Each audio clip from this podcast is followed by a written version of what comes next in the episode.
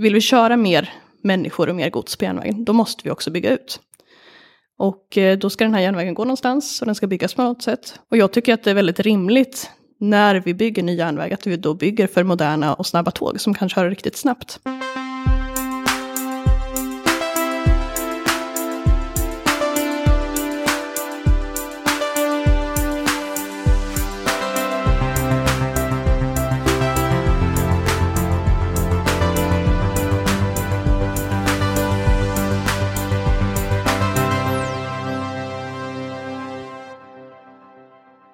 Välkommen tillbaka till Heja Framtiden. Eh, jag heter Christian von Essen. Sitter och sänder från min eh, lilla kitchen studio på Roslagsgatan i Stockholm.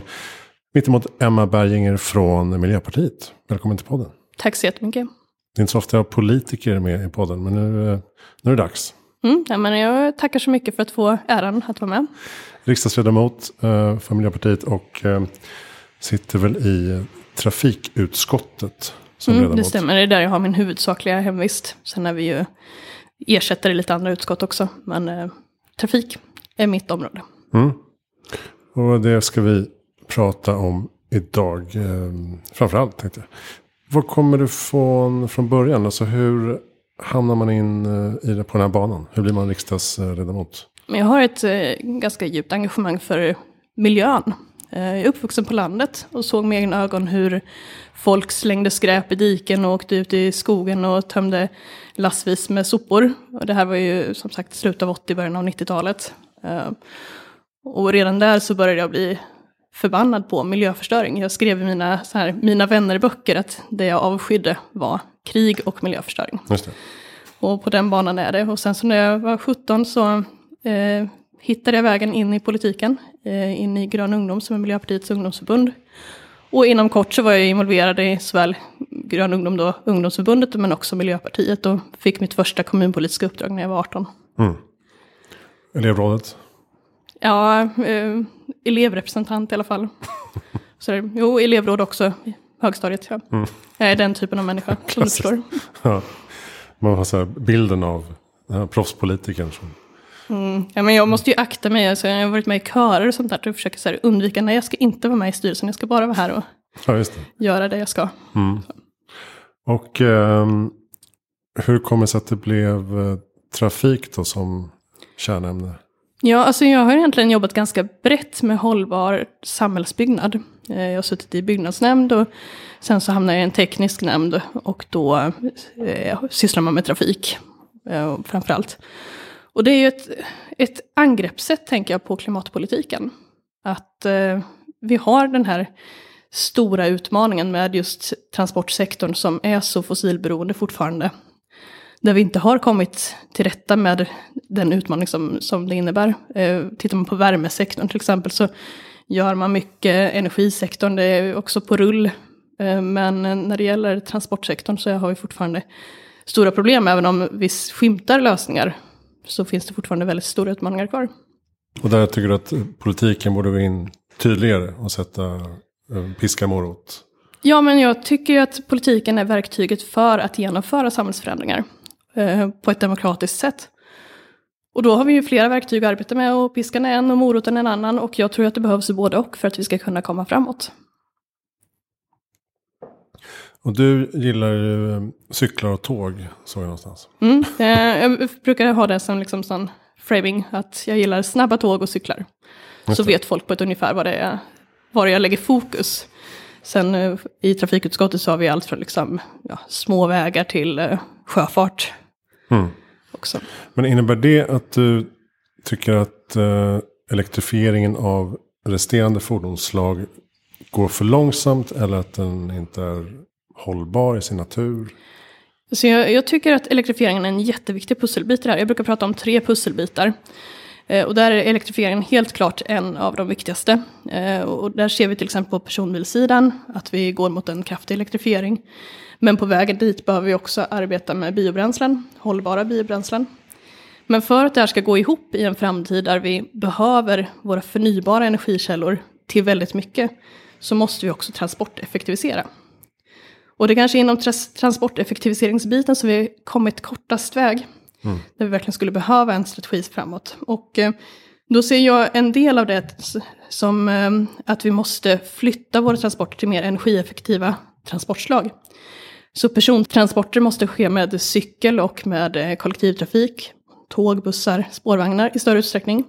Godstransporterna måste flyttas från lastbil till järnväg och sjöfart. Eh, och på det viset så kan vi minska efterfrågan av energi till transportsektorn.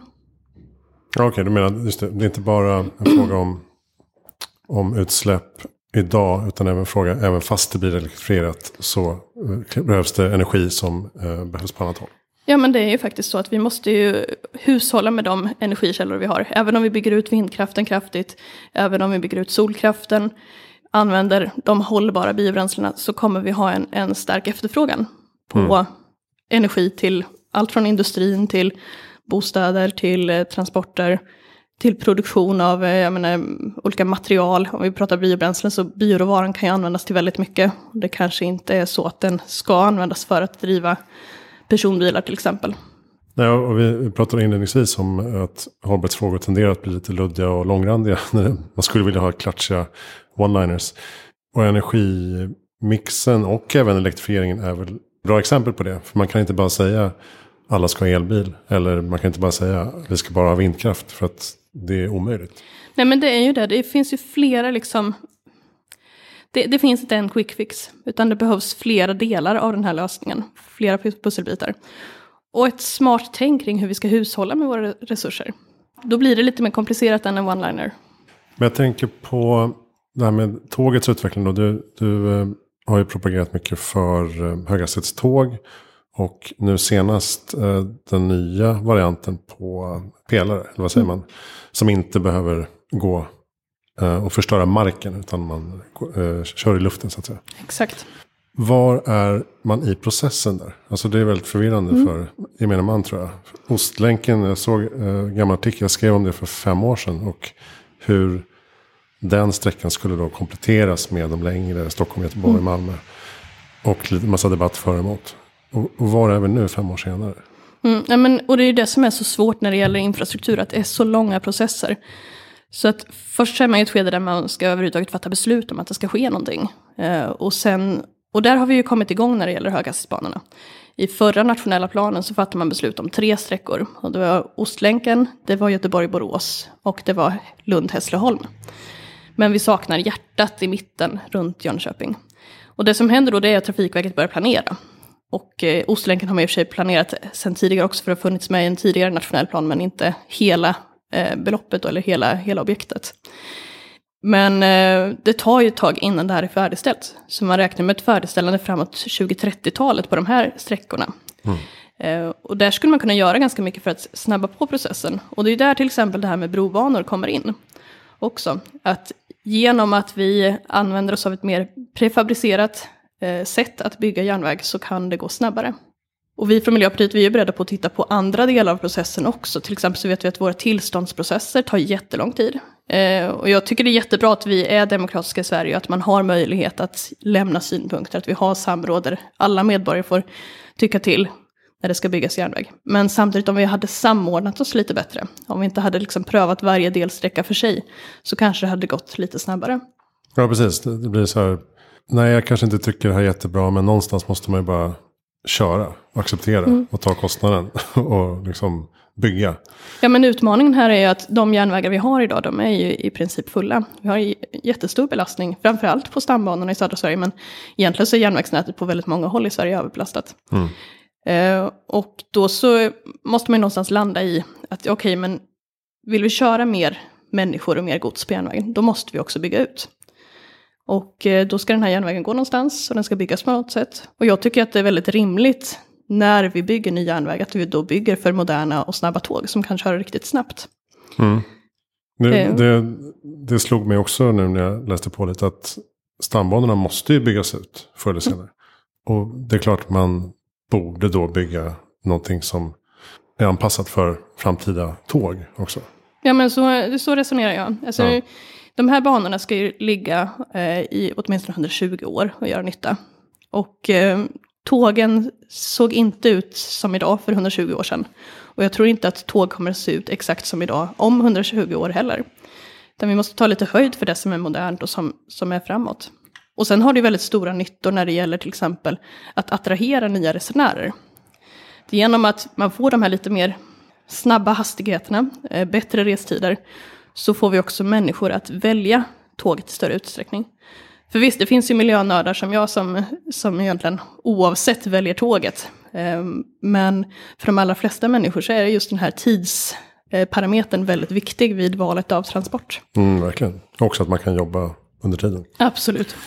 Eh, och en, en liten debatt som blossat upp nu då är ju hur stationerna ska ligga. För att som jag förstår det så började Trafikverket, de fick en stramare budget på då 205 miljarder. Det är den lilla budgeten. Och eh, då började de skissa på att lägga stationer utanför stadskärnorna. Upp till en mil utanför. Och eh, det blir ju ingen glad av så att säga. Nej. Och du menar att det är ju ohållbart. Man måste lägga dem in i stadskärnorna för att det ska vara eh, maximal nytta med mm. hela projektet. Ja, det är ju själva poängen. Alltså det är det som är en så stor fördel med att ta tåget. Att man kommer från centrum till centrum i princip. Eh, Medan tar du flyget så hamnar du en bra bit utanför städerna för att det är, det är svårt att ha en flygplats som ligger centralt helt enkelt. Så just därför är det viktigt att man har de här centrala stationslägena. Det mm. som hände då förra sommaren var ju att regeringen gav Trafikverket ett uppdrag att uppdatera underlagen, bland annat när det gällde kostnader och samhällsekonomiska beräkningar, när det gällde just eh, de nya stambanorna. Och ehm, så fick man också då det här taket på 205 miljarder att, som utgångspunkt för att skissa på. Och det är en siffra som har liksom figurerat i debatten tidigare. Ehm, även om Trafikverket tidigare har sagt att om man ska bygga riktiga höghastighetståg, eller höghastighetsbanor för 320 km i timmen, så eh, skulle det kosta 230 miljarder plus minus 30 miljarder. Men det har liksom hela tiden pratats om att ja, men då skulle man nog kunna landa på 205 miljarder. Så det har varit en sån siffra som har figurerat i debatten. Så då utgick man från den och Trafikverket kom ju ganska tidigt i augusti med en delrapport där de sa att ja, ska vi uppnå de där 205 miljarderna då måste vi nog göra ganska stora systemförändringar. Och då är det lite olika saker som är kostnadsdrivande. Och en av de sakerna är just det här hur man tar sig igenom städer. För det är ganska komplicerat att bygga järnväg inom städer mm. som är befintliga. Och eh, var är man nu där i den frågan? Ja, nu har ju den slutrapporten lämnats och då har det visat sig att det som då är Sverigeförhandlingens förslag, det är förslag som e- egentligen har varit huvudförslaget under ganska lång tid, det blir lite dyrare än vad man har tittat på tidigare. Eh, nu pratar man om 295 miljarder plus minus 50 miljarder, så det är ju ett spann fortfarande.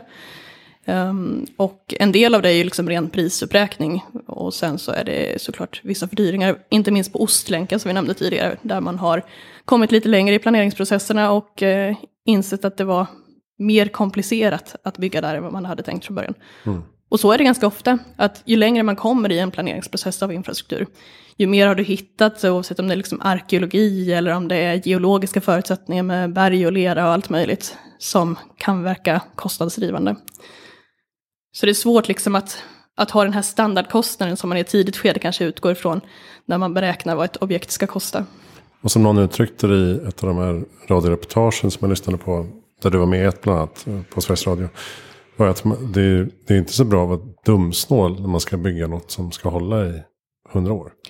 Nej, och jag ser att det finns väldigt stora poänger med att göra en sån här stor offentlig investering. Inte minst i det läge som vi är nu, där vi behöver återstarta ekonomin efter coronapandemin.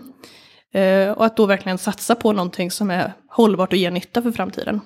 Men jag menar ur ett rent ekonomiskt perspektiv, så det här ger ju arbetstillfällen, skatteintäkter, det stimulerar utvecklingen på bostadsmarknaden. Bygger man en järnväg och en station någonstans så, så kommer det liksom som ett brev på posten att folk vill bygga bostäder där också. Och mm. det här underlättar såklart också även för, för näringslivet. Eh, även om det inte är vårt huvudskäl till varför vi vill bygga så är det ju till exempel handelskamrarna i södra Sverige är ganska överens om att det här vore verkligen att satsa på näringslivet. Mm. Att bygga nya stambanor för höghastighetståg. Och jag minns när jag skrev den artikeln för fem år sedan så var ju Skavsta superpeppade på det här för att de skulle också få en tågstation. Eh, som skulle vidga deras upptagningsområde. Nu älskar inte du flyg men det var i alla fall en, en aspekt av det. Men eh, vågar vi inte prata om Brommafrågan? Vi kan prata lite grann, men det är inte min huvudfråga. Jag, eh, jag sa ju inte det, men just flygfrågan har egentligen min eh, kollega Lorentz Tovatt hand om. Så, okay. men, eh, men på ett övergripande plan kan vi nämna det. Ja, just det. Jag vet inte vad som är beslutat i den frågan just nu. det är ett förslag att det ska läggas ner. Eller Ja, ja, men precis. Regeringen är överens om att den ska läggas ner. Och sen så ska man tillsätta en utredning som ska titta på hur man ska göra för att lägga ner den. Men samtidigt så har det ju då blivit en eh, majoritet i riksdagen eh, som inte vill att den ska läggas ner. Eh, och det här är en fråga som är liksom under behandling just nu, så att det är inte helt 100% klart än hur det kommer att sluta. Men det är, det är helt klart en, en utmaning när det finns olika viljor i en fråga. Och eh, där kan man ju ha olika ingångar i det här också. Jag menar, vi, vi ser ju att flyget är ohållbart. Eh, även om vi ställer om till eh, något mer elektrifierat flyg, eh, biobränslen eh, som blandas in i flygbränslena, så, så drar flyget väldigt mycket energi. Om man har liksom den här energiintensitetsskalan så ligger liksom flyget på topp. Och eh, därför så måste vi minska flygandet, inte minst inrikesflyget. Och det är ju framförallt det som trafikerar Bromma. Sen så finns det ju de som från andra hållet, eh, som kanske inte är så kritiska till flyget, men som tycker att ja, men förutsättningen för att kunna utveckla Arlanda som en stor och bra flygplats är ju att eh, Arlanda får lite mer ensamrätt på flygmarknaden. Och att man inte försöker dela upp den med, med lite mindre flygplats som finns i närheten. Men tänker du likadant där då? Att även om, som du säger, även om vi får en utökad elektrifiering av flyget också. Man kan ju tänka sig att inrikesflyget skulle ju potentiellt skulle kunna vara eh, elbaserat i framtiden. Om man tänker två decennier bort. Menar du att det också är för energikrävande? Att det riskerar att ta resurser från andra? Ja, samhällsinstanser. och, och också att det är ju fortfarande så att elflyg är på ett innovationsstadium. Och de elflygplan som man ser skulle kunna då komma i relativ närtid, det är ju relativt små flygplan som kanske kan ta en 20 passagerare, 40 mil. Och eh, på de här sträckorna, om vi pratar på vad höghastighetståget har för potential att locka flygresenärer, så pratar vi mellan 2 och 3 miljoner resenärer som man beräknar plocka från flyget till tåget. Och skulle vi då stoppa in dem i små 20 personers plan istället så det är inte effektivt. Nej. Nej. Om man ser på norra Sverige då. Där kommer ju flyget behövas inom en, inom en överskådlig framtid i alla fall. Ja, nej, men jag, jag tror definitivt att det, det finns en applikation för elflyg. Och det är ju då kanske till mindre orter i norra Sverige som är lite mer otillgängliga. Men även i norra Sverige så vill vi bygga ut järnvägen. Eh, Det som vi är överens om i januariavtalet är att vi ska intensifiera planeringen för att bygga ut Norrbotniabanan i sin helhet. Och det vore ju fantastiskt bra om man kunde koppla på eh, även Luleå eh, på den här kustjärnvägen. Men sen så behöver vi också bygga ut eh, det som kallas för nya Ostkustbanan med dubbelspår. För att det är liksom den trängsta flaskhalsen i Norrland. Och eh, korta restiderna, eh, om, om vi bygger ut det så kortar vi restiderna rejält. Även för de som bor norr om Sundsvall och Härnösand. Om man nu planerar höghastighetsbanor. Hur gör man de beräkningarna så att man inte skjuter sig själv i foten miljömässigt? Alltså jag tänker, ett infrastrukturprojekt av den här magnituden är ju eh, utsläppsintensivt också. Och eh, potentiellt miljöförstörande på vissa sätt. Hur, hur ser den liksom, kalkylen ut? Mm.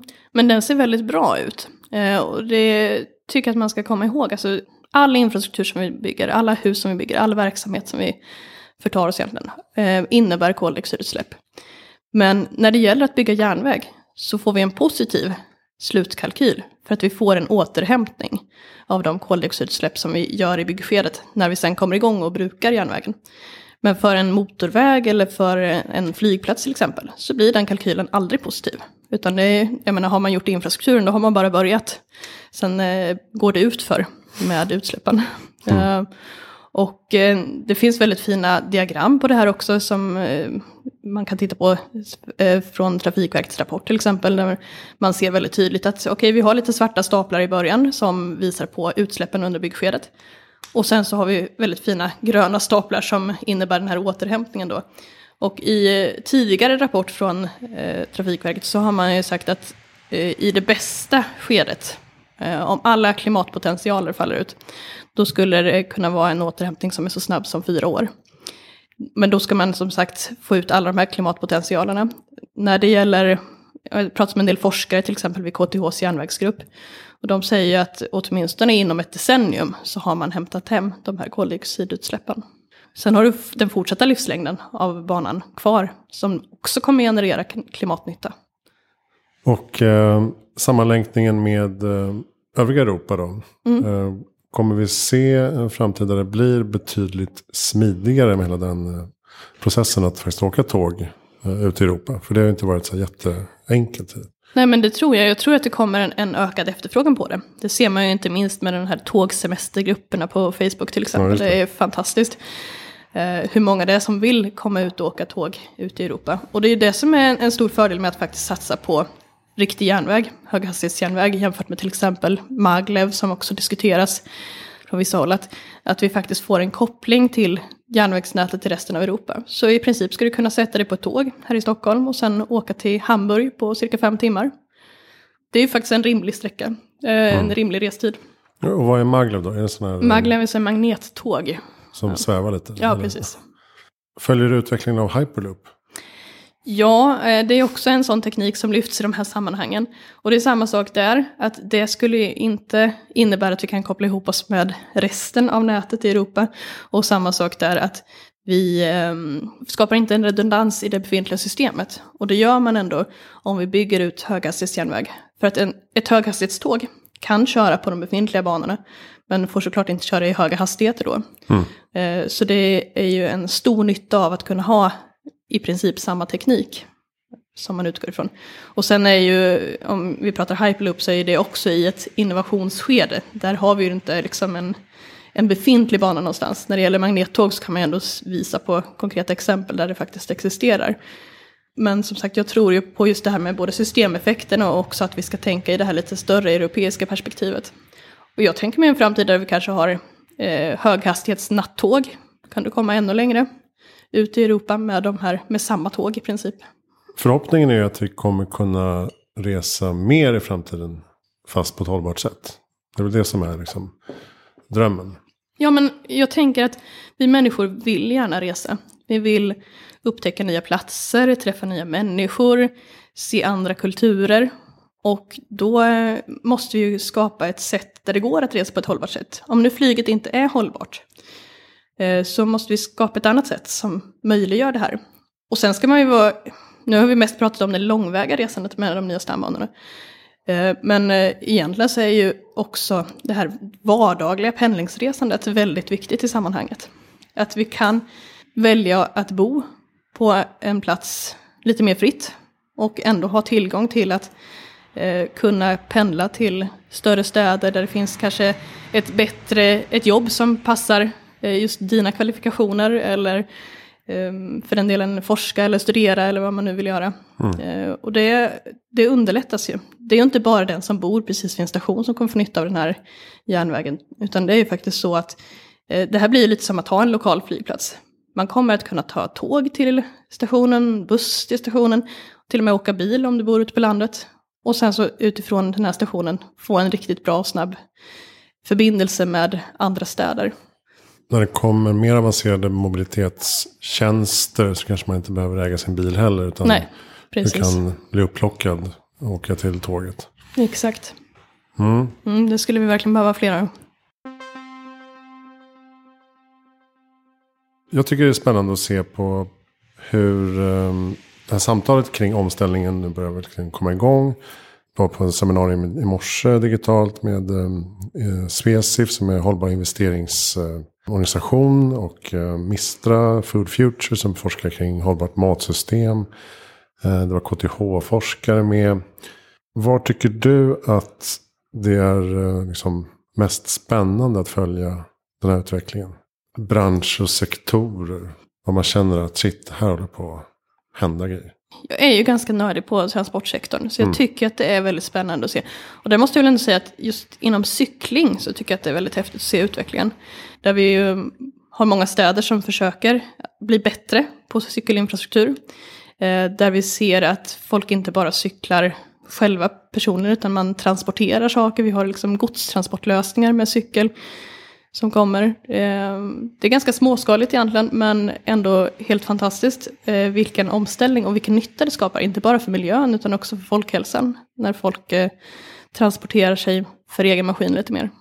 Och förhoppningen är väl att vi kan få lite mer levande stadsmiljöer också. Som inte är byggda bara från bilbehovet. Definitivt. Och jag menar väldigt många resor är kortare än fem kilometer i Sverige idag.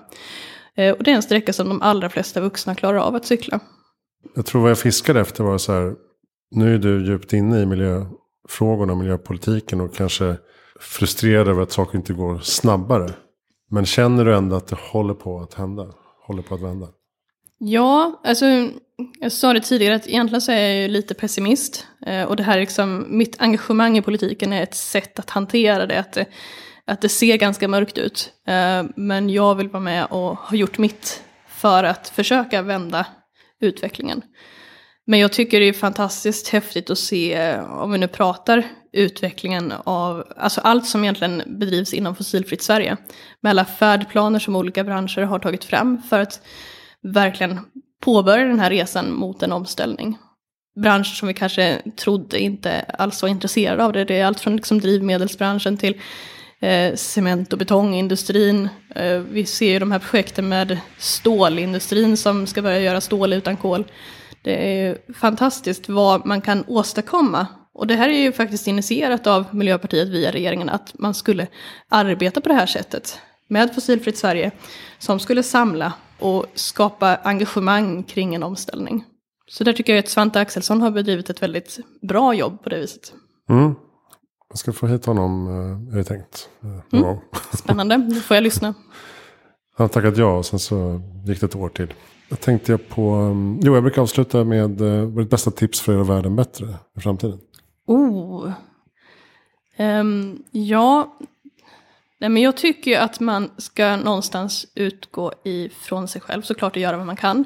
Men jag är också politiker för att vi blir starkare om vi gör saker och ting tillsammans. Så jag tycker att egentligen det viktigaste man kan göra som klimat och miljöengagemang, det är att rösta rätt. Och se till att ställa krav på sina politiker att verkligen leva upp till de löften som ges på klimat och miljöområdet. För där är det inte lätt för väljare. Det är lätt att eh, hamna i ett läge där man tycker att alla partier tycker att ja, miljö och klimat är viktigt.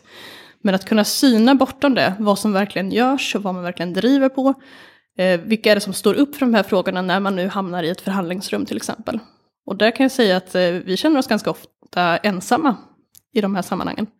Vi har ju möjlighet nu när vi sitter i regering, när vi har ett samarbete inom januariavtalet med Centerpartiet och Liberalerna, att sitta vid förhandlingsbordet. Och hade väl önskat att vi hade fått större stöd från en del av de här partierna för våra frågor. Tycker att man som medborgare och väljare kan påverka mer än man kanske tror också? Det tror jag definitivt eh, att man kan. Eh, det finns ju olika sätt att engagera sig, allt från liksom utomparlamentariskt, men jag, jag tycker ändå, jag, jag, vill ändå slå ett slag för partipolitiken. Mm. Eh, att gå med i ett parti eller en rörelse och eh, bidra där eh, tillsammans med andra gör att man får en större styrka än om man står utanför. Eh, visst kan man göra mycket genom en, en manifestation eller eh, Greta Thunberg är fantastisk på alla sätt och vis.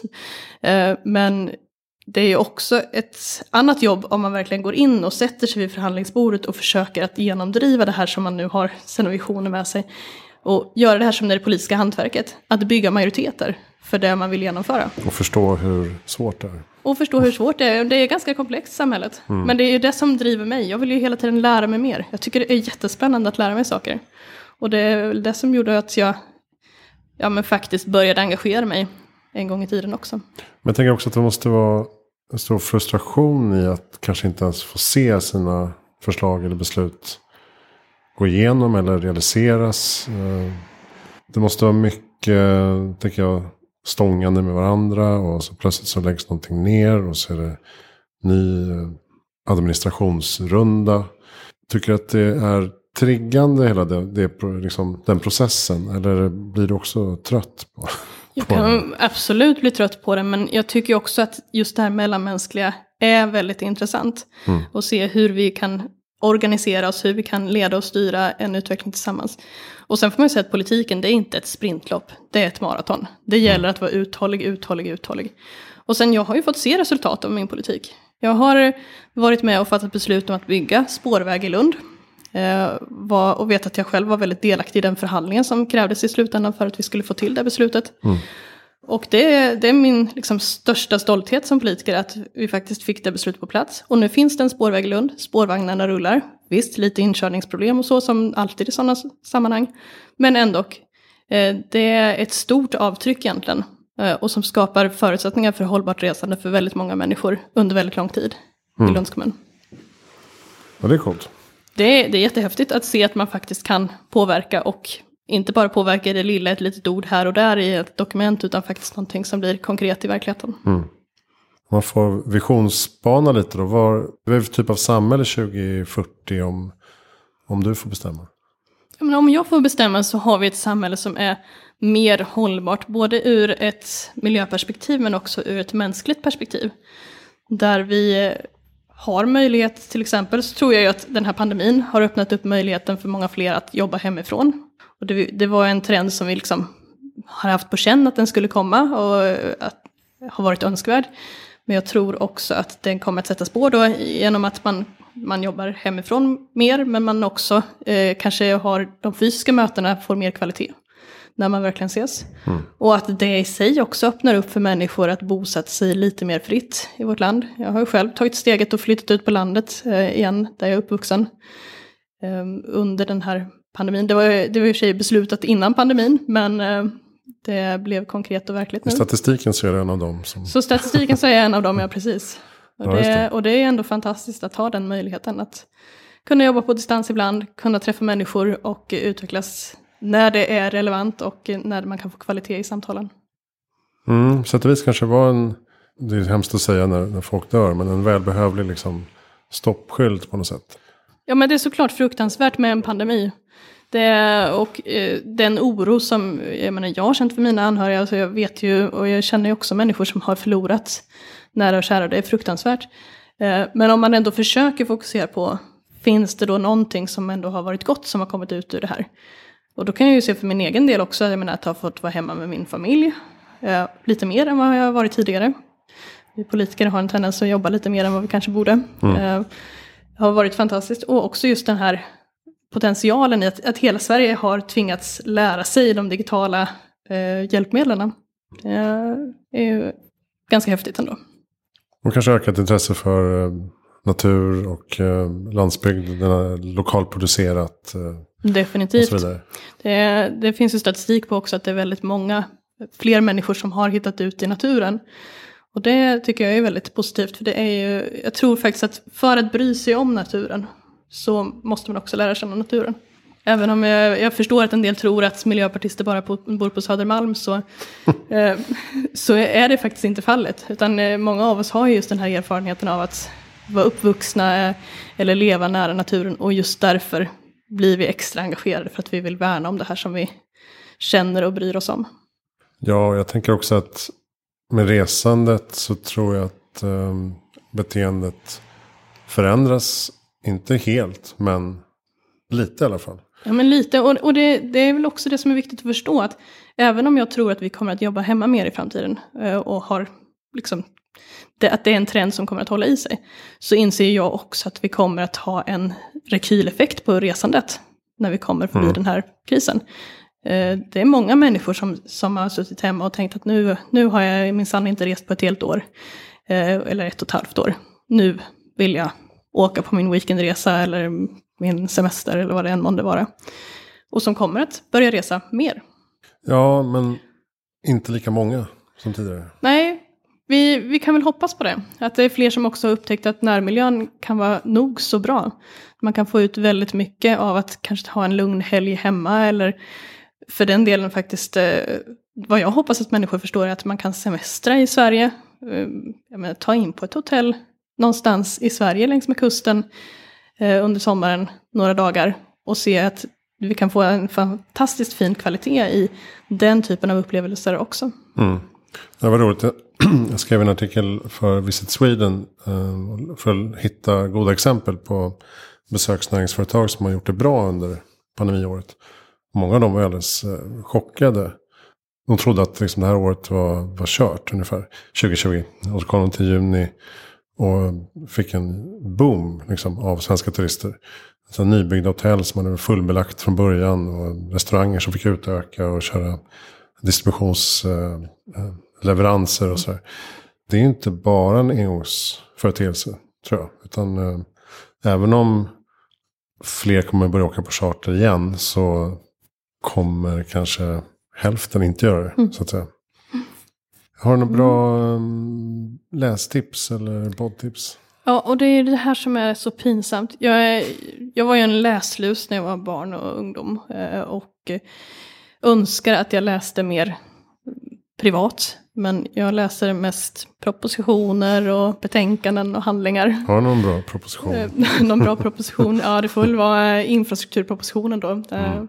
Men eh, annars så tänk, jag tycker ju väldigt mycket om eh, psykologi, så jag tycker den här tänka snabbt och långsamt, den tycker jag är väldigt intressant. Mm. Jag såg någon som skrev om den idag som sa att jag orkar inte läsa klart den. Och jag kände lite likadant. Den, är, den blir lite för matig runt halva boken. Mm. Ja, den, den, är, den är, det är en tegelsten så.